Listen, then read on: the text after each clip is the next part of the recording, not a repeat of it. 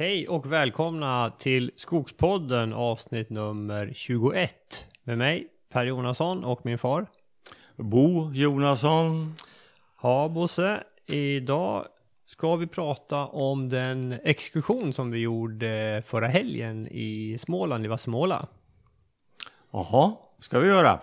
Eh, där är vi inte nu, utan vi sitter som vanligt i Bergslagen där eh, solen precis har börjat skina. Det, vi hade ju sån extremt bra timing med vädret när vi gjorde exkursionen då förra helgen. Det var väl eh, enda dagen som det var sådär riktig sommarvärme på. Jag tänkte inte på det, jag tänkte bara på skogen. Ja, du gjorde det. Nej, men vi andra, ja, åtminstone jag noterade det. Vi kom ju ner på onsdagen var det väl till Vassemåla som ligger utanför Vimmerby, eh, drygt 10 kilometer. Och och eh, då var det rätt kyligt. Men sen blev det varmare för varje dag och på lördagen pikade det. Så det var ju t-shirtsväder ute i skogen. Jätteskönt. Inga, inga mygg eller flugor heller. Men tillbaka till exkursionen Bosse. Det var ju en himla kul eh, grej tycker jag. Vi har ju gjort reklam för den här i podden eh, flera gånger. Och det var roligt. Det, det kom 33, 33 eh, deltagare. De flesta smålänningar men eh, det fanns Västergötland representerat och Dalsland och Medelpad och Blekinge. Och. Eh, så att lite spridning var det och eh, synpunkterna eh, präglas ju av den plats man kommer ifrån och de förhållanden, skogliga förhållanden som är där. Mm. Men det här var överhuvudtaget en intresserad skara. Mm. Eh, och förhållandevis ung.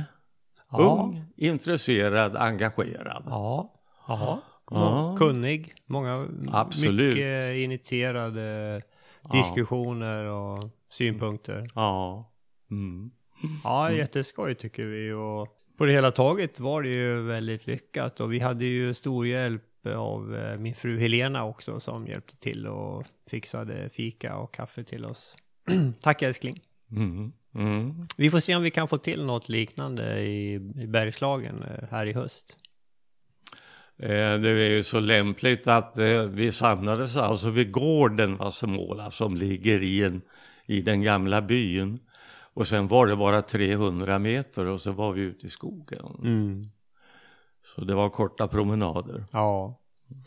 Och det här avsnittet idag då Bosse, poddavsnittet 21 då tänkte vi egentligen ta med våra lyssnare på exkursionen, gå igenom de bestånd som vi tittade på och eh, prata om vad som, som kännetecknar dem och hur, hur vi bedriver vår skogsskötsel i de bestånden.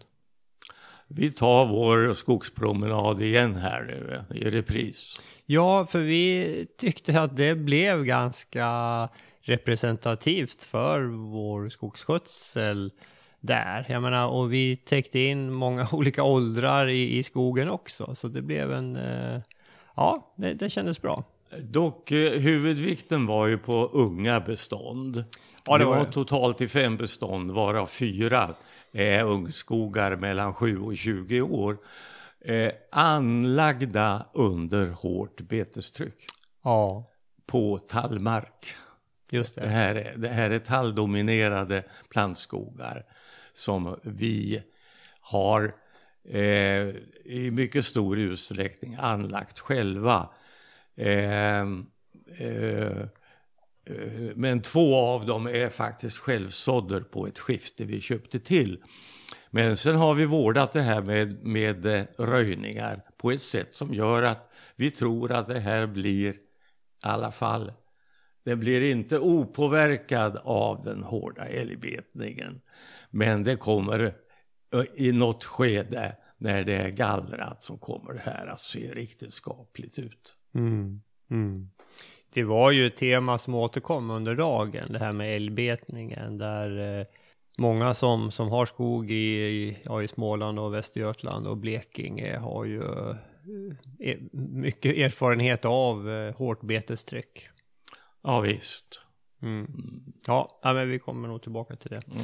All right, var, eh, var börjar vi? Vi, eh... vi börjar i ett 18-årigt bestånd. Mm. Eh, det här eh, marken, eh, ja överhuvudtaget så rörde vi oss bara på ett skifte som vi köpte 1999. Mm. Och just den här första platsen då, då stod det en fröträdställning och det var markberett, det var fläckmarkberett. Och så hade föryngringen börjat komma i de fläckarna. Jag vet att vi uppskattade då vid vårt första besök till att det var plantor i hälften av fläckarna. Ja. Men det här kunde vi inte nöja oss med utan året efter det att vi köpte det här så satte vi igång och plantera och så det här hygget. Ehm, det gick så till att, eh, att eh, jag gick faktiskt ensam på det här fyra hektar stora hygget. Och jag hade då en frökanna på, i bältet på vänster höft. Sen hade jag täckrotsplantor av gran i en väska på höger höft. Och det enda redskapet jag hade det var en liten planteringshacka. Mm. Och så gick jag över det här hygget. Och där det då inte fanns eh, betryggande självsådda plantor, det blev det den här metoden. Alltså att jag tog min lilla hacka och redde till en plats där antingen jag skulle sätta en granplanta eller där jag skulle så tall. Mm. Eh, och eh, Humustäcket i Vimmerbyområdet är allmänt tunt. Ja. Det ger lättföryngrade marker. Jag ska inte säga att det gäller hela Vimmerbyområdet, men jag tror det faktiskt det. Mm. Och på vår fastighet är det definitivt så. Mm. Det är mycket tunnare humustäcke här än vad det är i Bergslagen. Jaha.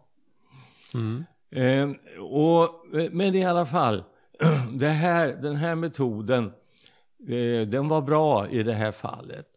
För på de här fyra hektaren så står det nu en blandskog av tall och gran mm. och en skälig andel löv. Mm. Men Bosse, i de, i de här fläckarna som du berättar om, gjorde du alltså både sådde och planterade en gran eller gjorde du ett av dem? Jag gjorde ett av dem för att eh, inför varje fläck så bestämde jag mig för att ska vi ha en gran eller ska vi ha tall här. Ja. Och det hade mycket med vegetationen att göra. Var det så att gräset verkade avskräckande så då sådde jag inte. Nej. Nej utan då blev det en gran. Ja, just det. Och det här blev lyckat alltså.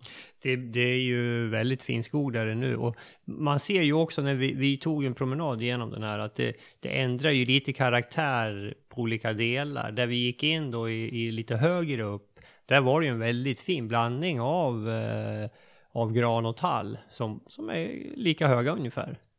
Och sen kom vi in i områden där det blev mer eller mindre ren tall. Ja, just det. Ja. Men det här har vuxit upp och jag tycker att det här är, ja det är ju röjt nu också, mm. en gång. Eh, men det står tätt i alla fall. Ja det är det. Vi har mycket reservstammar för ja. än kan det hända att eh, någon hung, hungrig älgfamilj börjar gnaga bark. Ja. På tallarna. Och, och, generellt som vi har sagt så tar vi ju inte bort några tallar förrän vi är uppe på älgsäker höjd på fem meter. Så är det ju. Och sen en annan viktig sak det är att vi alltid sparar allt undertryckt ätbart. Ja. Tänk om hela Småland skulle göra på samma sätt. Jaha. Att sluta röja bort älgmaten som står där i botten. Jag tror det skulle kunna ändra eh, situationen i skogen mm. på ett radikalt sätt. Mm. Alltså, till det bättre. Det såg vi ju flera exempel på små, små undertryckta tallar som, som är kanske en, en och en halv meter, som inte kommer att bli någonting då, för de är så långt efter, men som, som blir betade år efter år. Ja, visst är det så. Mm. Och ger mat då till älgen. Ja, ja. Ni som lyssnar på det här och har de här problemen, prova det från och med nu att ställa kvar det här i botten. Mm. Det ser inte så städat ut. Men det är väldigt effektivt. Alltså. Mm. Mm. Konsekvent har vi gjort det här i Bergslagen i alla fall i 20 år. Ja. Och det mm. gäller ju... Med gott resultat. Ja, rase och björk och tall och ja, allting. Ja, jajamän. Mm. Jajamän. Mm. Mm. Mm. Mm. Jo, så är det ju. Ja. Mm. Ja, det där var eh, första punkten. Vi ska ju säga det att, att det fanns ju synpunkter på att vi röjde för, för löst. Att vi, vi, vi skulle ha röjt hårdare. Mm. Men vi får återkomma till det där och komplettera det. Eh, hittills så, så eh, eh, har ju det här klarat sig bra. Men, men hungriga älgfamiljer de kan ändra mycket. Ja, nej men det där måste ju röras igen förstås. Jaha, sen kommer vi ut på uh, vår yngre tallsådd. Ja men visst. Eh, ett, ett intressant bestånd. Mm. Eh, det, det, är ju så här att eh, den gamla skogen där den höggs ner, eh, den höggs ner 2007-2008. Mm. Eh, beståndet är nästan 8 hektar stort och det beskogades 2009. Ja. Och då var tre generationer människor var inblandade i det här. Det var Inger och jag och så var det våra barn och barnbarn. Och vi sådde och planterade det här. Mm. Eh, och planteringen skedde uteslutande i sänkor i det här beståndet. Stämmer. Det var jag och Mats gick och planterade gran. Det var ni som planterade granen. Och sen så eh, övriga, de sådde de lite högre belägna delarna. Mm. Det här var tydligt markerat ifrån början. Så ska vi säga det att i sänkorna mellan eh, granplantorna så sådde vi sen tall också. Mm. Det gjorde vi som ytsådd, det vill säga vi la bara ut fröna på ytan. För annars var det en, en myllsådd eh, på det området? Annars var det en myllsådd över kullarna, ja. Ja, mm, mm. just det. Och här står du, eh, det, det, här gjordes alltså eh, 2009. Och nu så står där, över kullarna så står det nivån 8000 tallplantor eh, per hektar. Mm. Och i sängkorna så skjuter granen upp och är väl i alla fall minst fyra meter hög nu. Ah, så hög tror jag inte den är. Tog jag i för hårt? Ja, nu tog du nog i lite för hårt. ja. ja, men då är den väl tre då. Ja, jag vet ju, vi, vi, såg, vi såg något parti på håll som, som såg ut att vara högre än ja, meter till och med. Kanske. Ja, ja. det skiljer nog lite grann, för vi gick, mm. ju, vi gick ju igenom ett av de här områdena på väg bort och jag, jag, jag tycker inte man förlorar överblicken än. Nej, men nej, eh, ja, det är nog nära. Ja, det skiljer lite grann. Men ska vi säga det att tallen är i alla fall en och en halv till två meter hög. Ja, Ja, kanske inte två. Nej, inte två. Nej, tog en och en halv. Nu tog jag i igen. Du tog en i och en halv. Igen, ja. Mm. Det är fortfarande som man har liksom en bra överblick när man går, men eh, mm. ja, nästa år då vet 17 om man mm. kommer att ha det längre. och där har vi ju haft, jag menar det är ju en, eh, det sker ju betning där naturligtvis, helt klart. Och där gjorde vi ju, förra året så sprutade vi på eh, sån här uh, fårfett emulsion och det, vad, vi, vad vi kunde se hittills har ju, har ju det hjälpt. Vi hade ju alltså sommarbetning på det här. Ja, vi hade ju det. Mm. Så det var ju det som gjorde att vi beslöt att vi skulle spruta. Ja, och vi gick på rätt så tidigt tror jag, om det var slutet på augusti tror jag. Ja, stämmer nog. Men där hörde vi att det var många som går på kanske en, eh, en dryg månad eller en och en halv månad senare vanligt då. Men eh, ja, i och med att det var så kraftig sommarbetning, trots mycket björk, lite märkligt. Mm. Men där var ju, där fick vi, det blev ju lite diskussion kring det här, hur man, eh, hur man jobbade med det där på bästa sätt. Och det var ju en av deltagarna som, hon berättade ju att älgen lär sig det här med tiden, att om man sprutar på då biter den liksom av det skottet, spottar ut det och sen tar en tugga under det då. Att den liksom lär sig att det är bara, det är bara den här toppdelen som smakar illa, under går att äta. Så hennes rekommendation var ju att man skulle byta medel då, sån här repellent ibland. Vi ska ju säga det att det syntes ju väldigt tydligt nu i maj det vi gjorde då i slutet på augusti förra året. För mm. att Eh, de här, eh, de här tallarna, ja, de, det ser ut som Lucia-kronor med ljus. Ja, de är ljusa av, av det här medlet. Mm. Och, och hon, vidare, hennes bästa tips var ju egentligen att tejpa frystejp över toppskotten. Men storskaligt går bara inte det man skulle ha att göra förfärligt länge på att frystejpa hela det här hygget. Men för 17, det är alldeles utmärkt mm. att metoden provas. Absolut, absolut. Mm, mm, mm, ja visst. Eh, eh, alternativet att plantera det här hygget, det, det mm. hade ju också varit Ja, det hade varit ett dåligt alternativ. Ja. Då, då hade vi haft stora skador. Ja. Hade vi inte sått så, så hade det ju så småningom blivit en självföryngring på det här. För vi hade ju fröträd stående kvar ja. också. Ja, det hade vi. Mm. Gamla sådana. Nej, men det blev ju mycket diskussioner kring det här hur man hanterar just eh, betesskador. Och, och uppenbart så är det ju, det är ju högt upp på allas agenda. Ja. Vad fick vi mer för tips och idéer? Det var ju, jag var en som pratade om att har man eh, en, en, eh, en lite större yta, han pratade väl om 4-5 hektar, ja då lönar det sig att hängna. Ja, just det. Mm. Det är ju en drastisk åtgärd som man kanske vill undvika in i det sista. Mm. Ja, här, låt oss slippa det. Mm. Fick vi några mer tips? Ja, det var ju hela tiden en, en, en livlig diskussion.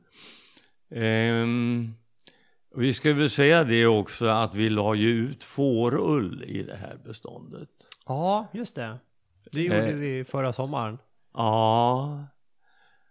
Och den där fårullen, det konstaterar vi, den luktar ju får fortfarande och kommer säkert att göra under lång tid. Mm.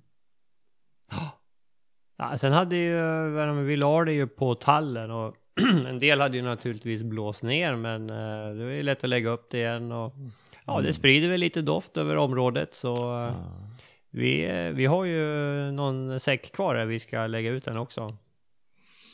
Vi ska säga det också om vi inte har gjort det att det var ju inga färska betesskador på det här från den gångna vintern.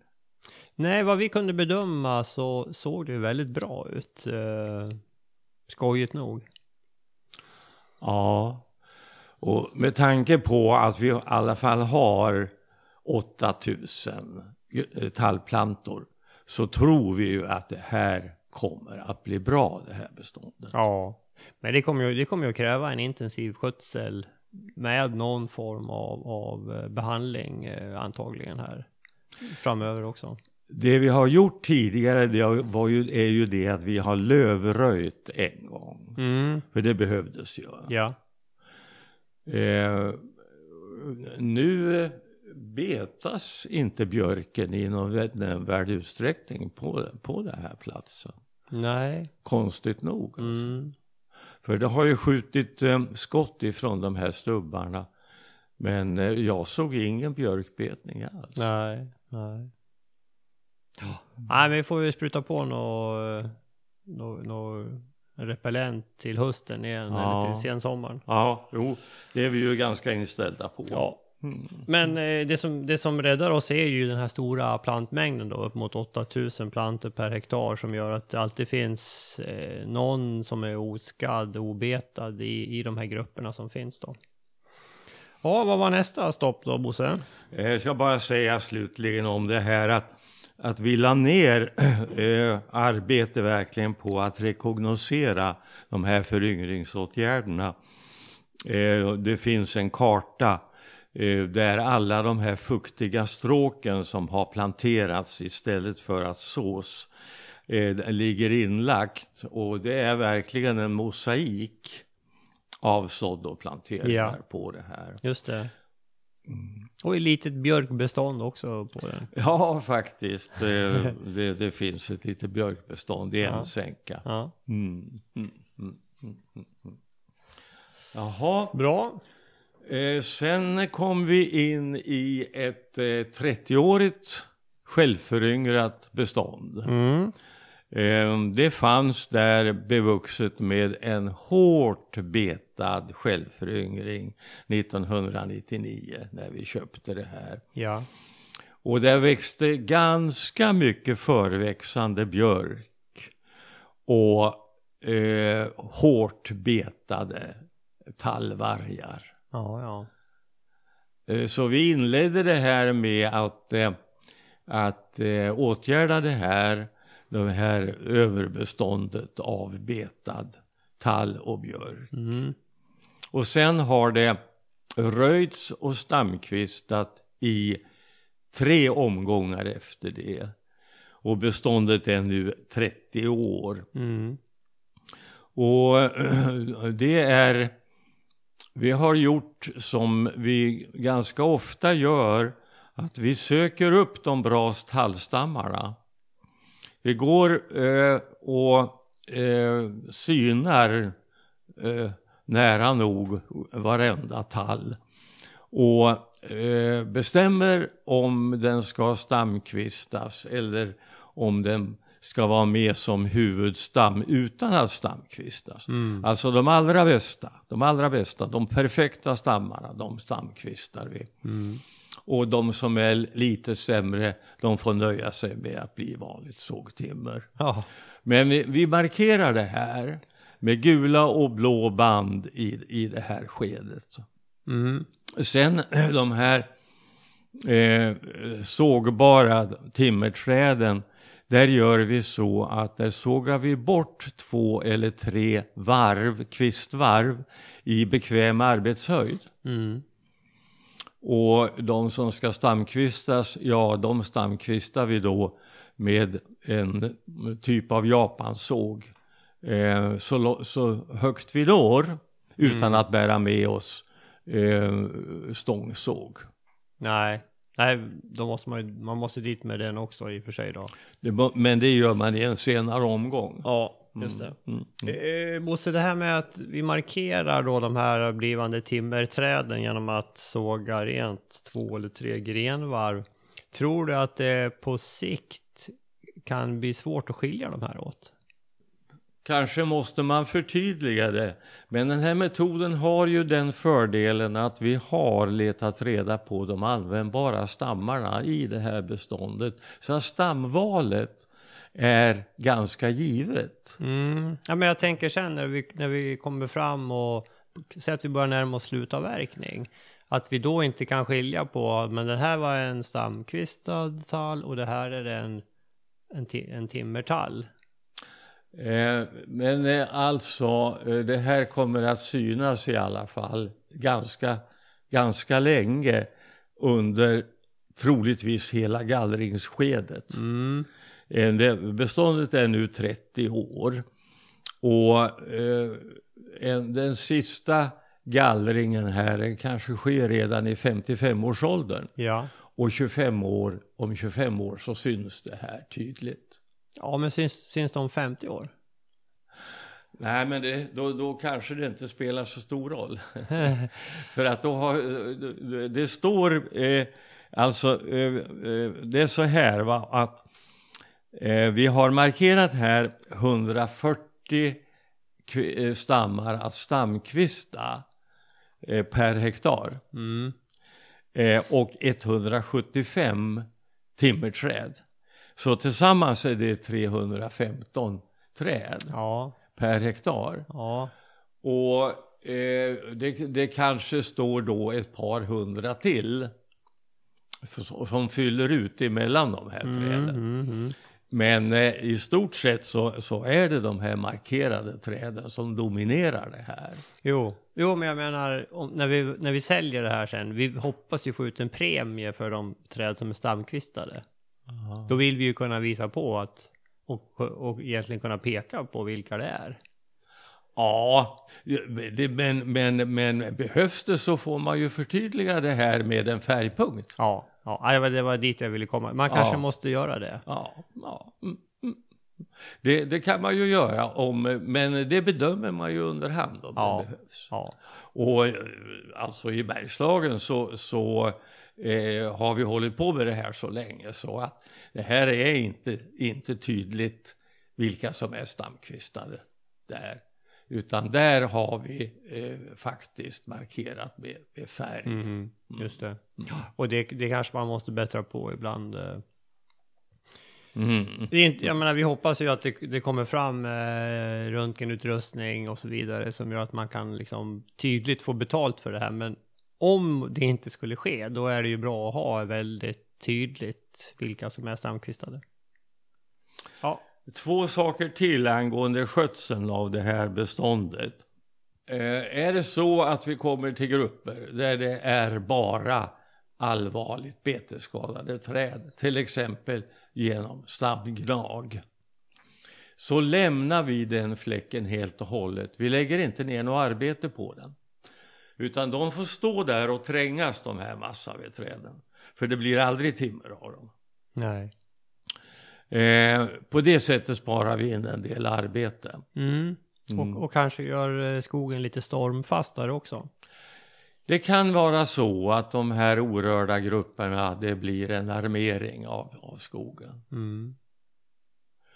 Eh, sen de, de gallringar som, som kommer här, nu har vi de här träden markerade, de vi pratade om. Men vi kommer ändå att stämpla de här gallringarna. Ja. Alltså markera de träd som ska bort. Och, och det var ju, det är ju inte så långt bort den första gallringen i det här beståndet. Inom fem år. Ja. Och den kommer ju bli enklare då när, när vi har de här Ja, ja, eh, fina träden markerade. ja. Mm. Mm, Bra. Sen gick vi vidare. det gjorde vi. Och då gick vi in i ett ganska moget tallbestånd som gränsar emot det här som vi nu har pratat om. Mm. Eh, 60-årigt, eh, gallrat och eh, större delen av det här det har ett stamantal på mellan 600 och 650 träd per hektar. Troligtvis så kommer det att huggas igenom en gång till Mm. innan det blir slutavverkningen. Men det här har utvecklats väl. Det här är riktig Vimmerbytall Ja, det är det. gammalt fint märke. Vi tog ju, dagen innan tog vi ju, gjorde vi tre provytor för att se. Vi, vi låg ju lite högt inom något område där. Det var en lite magrare kulle som vi tog och där kom vi högre. Så att eh, eh, där förefaller det nödvändigt att göra en huggning till. Ja, Alltihopa kommer att huggas igenom en Ja. gång till. för att göra det lite. För du, du, vill, du vill ha sen eh, kanske ner emot 550 stammar. Ja, vi har ju sagt det att, att eh, när de här bestånden går ur gallringsskedet vid ungefär 55-60 års ålder så ska man vara nere på 550 stammar Ja. per hektar. När bedömer du att man, det, blir- det blir en sorts lätt tredje gallring då kan man säga? Ja, kan man säga. Men det här är lätt arrangerat Ja. och, och ja, ga- ga- ganska, ganska enkelt helt enkelt. För det, vägarna finns där och Ja. den här marken är bra, det går att köra vilken årstid som Mm. helst. Och Mm. Nej, det, det, förhållandena är gynnsamma. Och det är fri, fri sikt och sådär? Ja, det är det. Ja. Mm. Mm. Mm. Så det, den, eh, har, har, gödsling pratar vi inte om. Har du funderat på det? Ja, det skulle man ju kunna göra och, och det är ju ganska enkelt att räkna hem en gödslingskostnad Ja. rent ekonomiskt. Men det som har avhållit mig ifrån det här på senare år med gödsling det är det att de tätare kronorna som blir efter en gödsling skulle kunna tänkas öka stormfällningsrisken. Och jag vill inte göra någonting som ökar stormfällningsrisken. För det är ju vår prioritet i all skogsskötsel. Det är att skapa stormfasta skogar. Alltså. Mm. Jag tänker efter, den, den frågan eh, dök faktiskt upp eh, när vi var där. Det var, det var en, en deltagare som Ja. frågade det. Mm. Ja, Så det, den, ja. ja. Mm. Mm. Nej, men det, det är klart alltså. Är man villig att ta den risken så, så visst, det, det är ekonomiskt riktigt att, Ja. att gödsla. Ja. Vi har gjort det i, i Bergslagen faktiskt i två omgångar. Mm. Nu är ju det här beståndet ligger ju lite högt så man kan ju tänka sig att det ligger lite utsatt för vind så ja. Ja, det är tveksamt. Ja, mm. Mm. Bosse, faktiskt, eh, när vi var i det här beståndet så jag spelade in lite grann eh, från exkursionen. Vi kan väl ta och lyssna på det bara lite kort. ja men visst.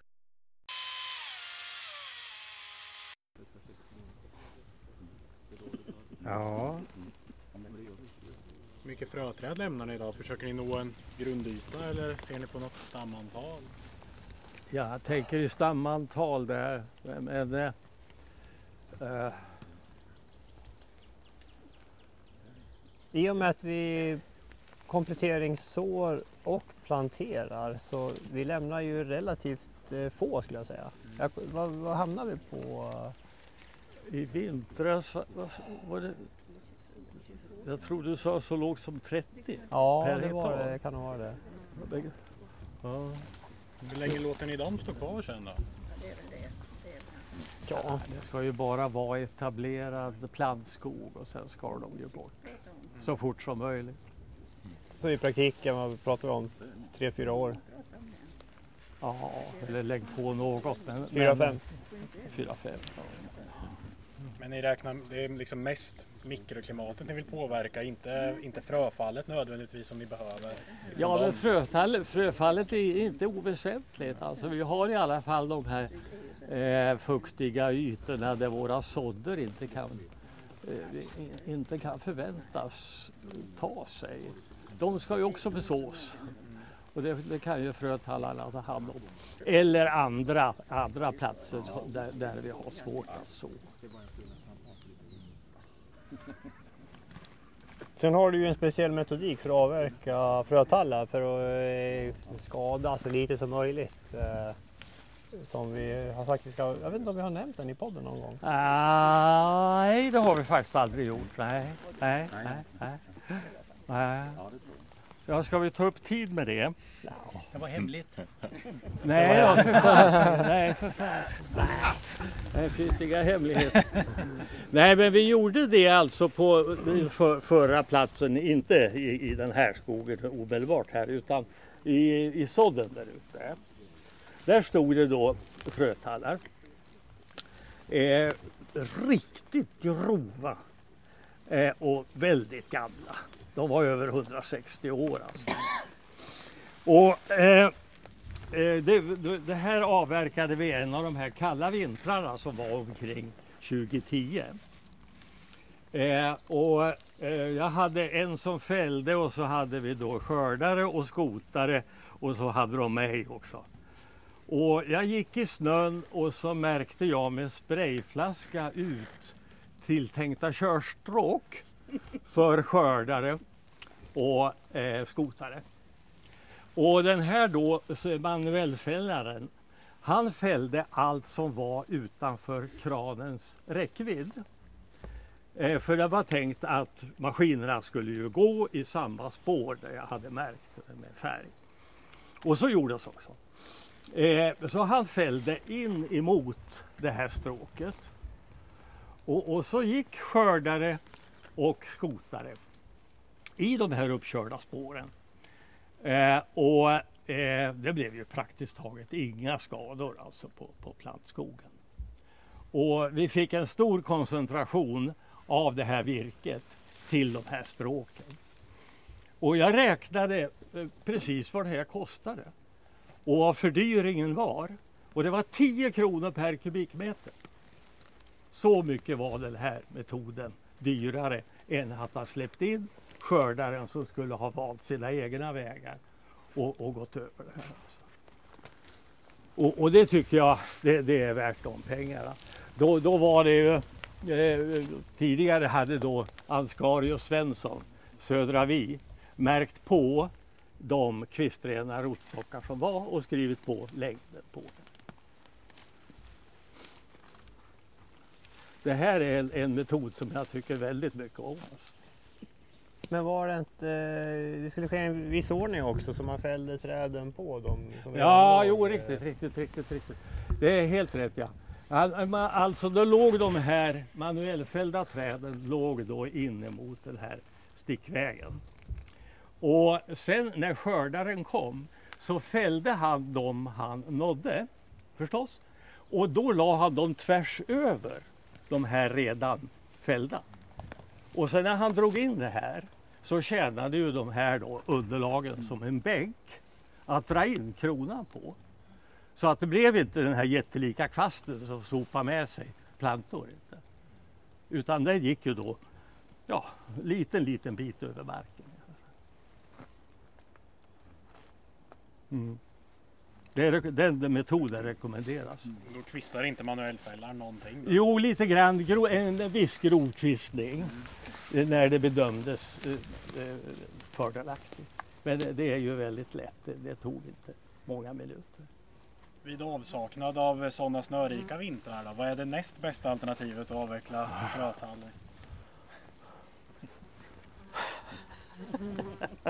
Vi har ju provat en variant där vi manuellfäller fröträd själva eh, och aptera dem och så vidare. Men så lämnar man sista biten. För frågan är, det blir ju inte så mycket massa på, på en stor tall. Utan man lämnar den okvistad, tar med den ut som grot istället.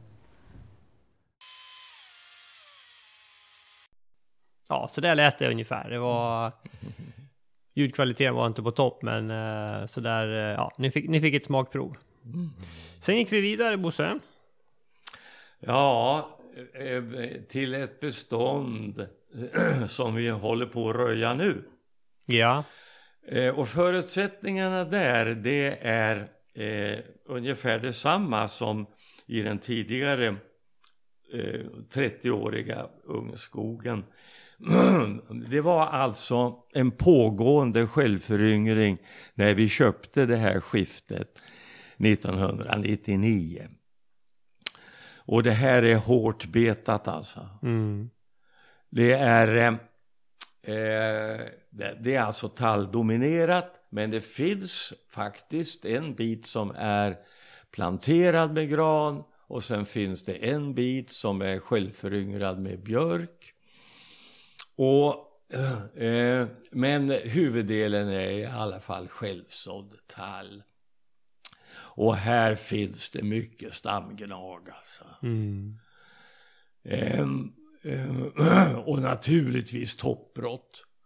Vi räknade, försökte räkna ungefär vad vi trodde på antal stamgnag per hektar där. Ja, vi gjorde väl en, en, en Eller, kvalificerad ja. uppskattning och kom till ungefär 500 stammar. Ja. Är hårt stamgnagda alltså. Ja och vanställda. Alltså. Ja. Det blir absolut ingen rotstock där inte. Nej. Och det blir knappast överhuvudtaget timmer. Nej. Och det var alltså 500 stammar per hektar. Mm. Men där har vi märkt på noga räknat 109 gula, alltså sådana som ska stamkvistas per Ja. hektar. Mm. Eh, och eh, blå är 250. Det är sådana som i alla fall duger till timmer. Mm. Så det är alltså 360 stammar ungefär som i alla fall är skapliga. Dessutom kommer det ett an- tillkommer det ett antal granar och för all del en och annan björk också. Ja. Ja. Nej, det är ju inte så dåliga siffror det där. Och jag menar en del, det kommer ju säkert att bli fler timmerträd än det där också. Men, men eh, bara det där är ju rätt okej antal. Ja då, ja då, visst. Allting är bättre än om man hade planterat gran på alltihopa. Ja, visst. Ja. Mm. Mm. Mm. Och där har vi ju, när vi var där nere då, det vi har gjort då, det är ju alltså du gick och märkte på och jag gick och röjde. Sen har, det vi var kvar att göra, det är ju då själva den här stamkvistningen då och, och även märka på, såga bort de här två grenvarven då, men eh, det är ju något som, som vi ska göra senare i år då. Som, eh, ja det är ganska enkelt.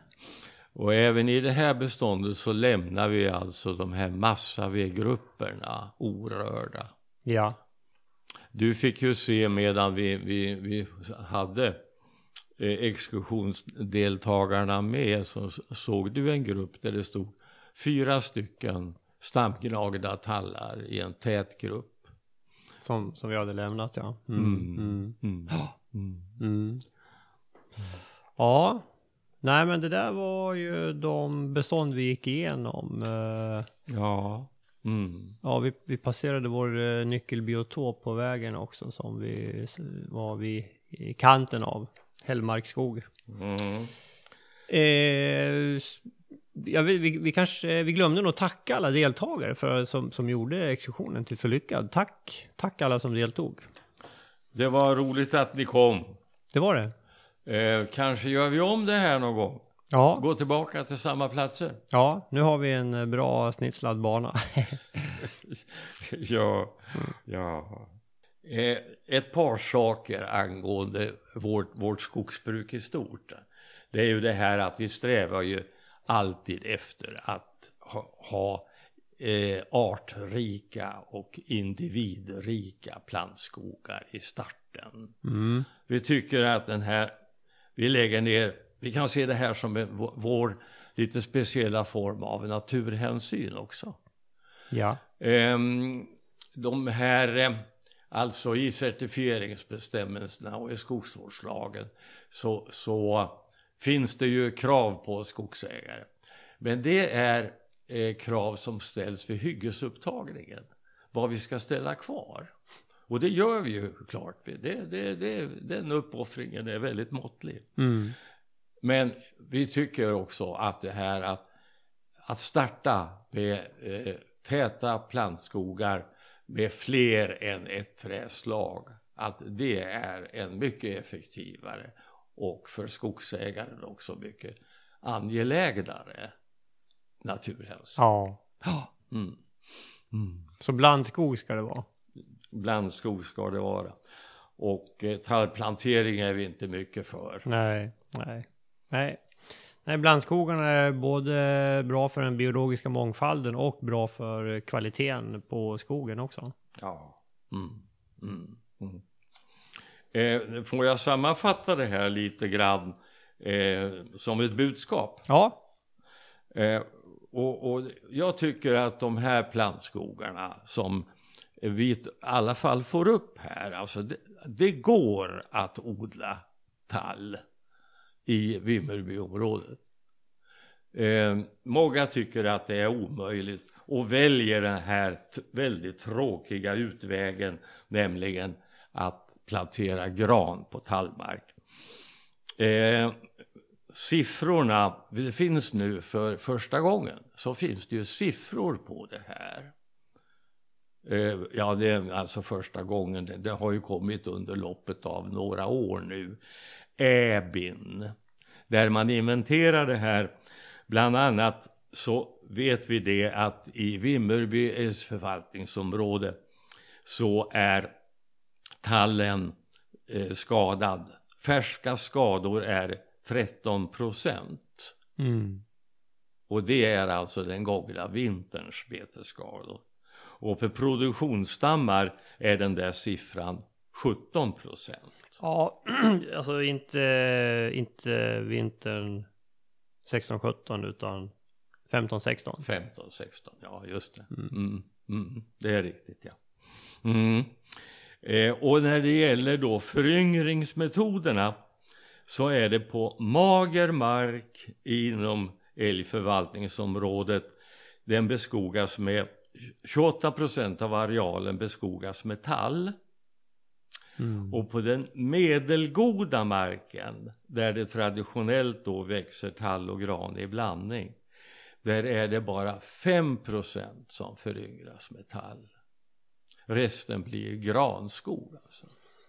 Det är inte godkänt. Nej, det är, det är tragiskt. Det är en förändring av landskapsbilden som mm. pågår. Mm. Eh, jag har också, som tröst så, så, så finns det ställen i Sverige där det är ännu sämre. De färska skadorna i Blekinge, i Blekinge öst, är 37 procent. 37 procent.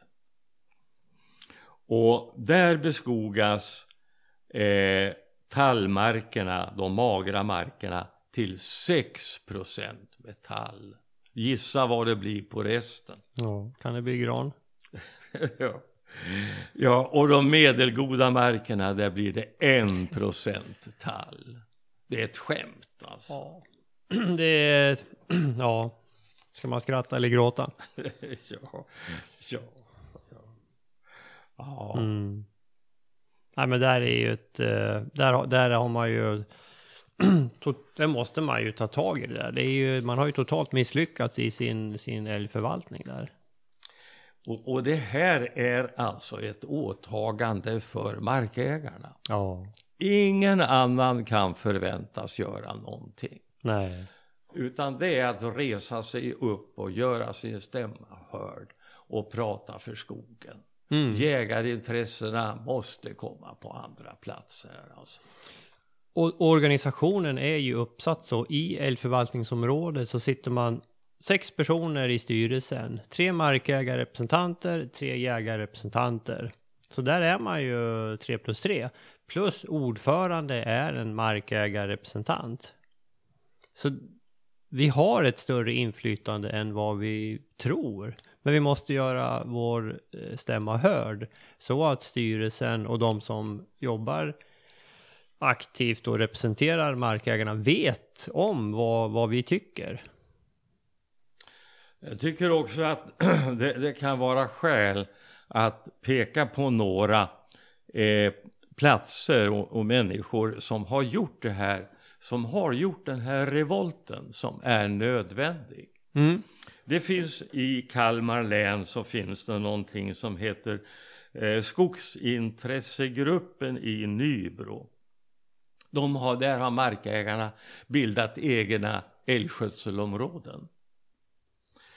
Eh, I Blekinge finns Lars Dahlberg som förutom det att han är ordförande i ett älgskötselområde också sitter i styrelsen för eh, älgförvaltningsområdet. Och han är en, en förkämpe för skogens intressen där. Eh, vill också nämna Lisbeth Larsson i Tibro som har fått igenom i kammarrätten ett överklagande av ett älgbeslut. Mm. Eh, eh, och på det viset kunna bidra till större avskjutning av älgen i Tibro i Västergötland. Mm. Eh, och, och slutligen i Land skogsbruk från den 5 maj där pratas det om eh, ett antal markägare i Dimbo nära Tidaholm i Västergötland alltså. Där älgarna i brist på tall så har de börjat äta gran. Ja. I anslutning till den artikeln finns också ett foto av 12 älgar på, ett, på en eh, gräsvall. Mm. Mm. Så det förekommer en, en, eh, en hel del aktivitet eh, ute i landet där markägarna ja, bildar grupper och, och, och, jobbar aktivt för att eh, få en bättre balans mellan klövvilt och foder.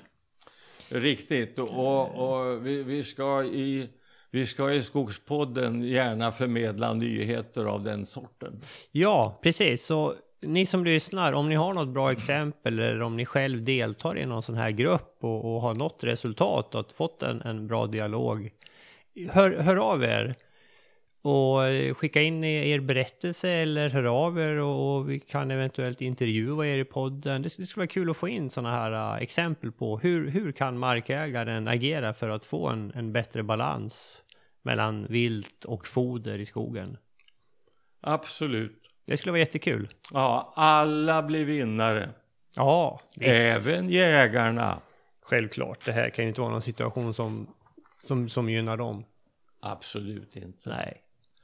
I, I granskogen produceras inget annat viltfoder än den granbark som kronhjortarna kommer att äta. Ja.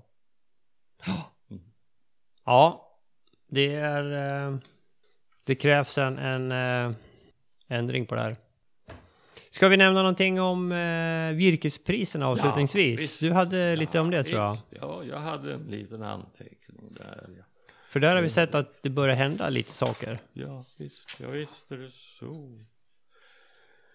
Visst är det så. Uh... Jo, där har vi den.